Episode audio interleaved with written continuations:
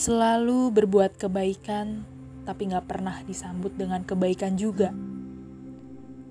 Udah tulus, ternyata dibuat kecewa. Udah mengorbankan sesuatu, ternyata sia-sia.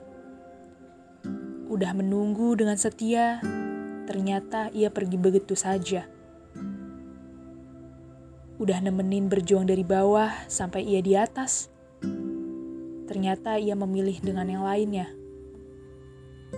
Udah selalu ada, ternyata ia tak pernah menganggapmu ada. Atau hal-hal sederhana lainnya. Dan masih banyak rupanya.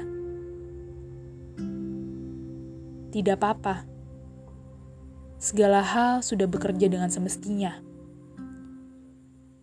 Tapi jangan buat diri sendiri larut dalam ketidakbahagiaan yang tak seharusnya.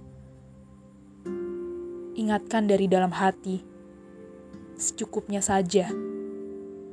Jika dirasa cukup, ya sudah. Kamu punya diri sendiri yang berhak untuk mendapatkan kebahagiaan. Semua hal yang udah kamu lakuin akan dibalas sesuai dengan porsinya masing-masing.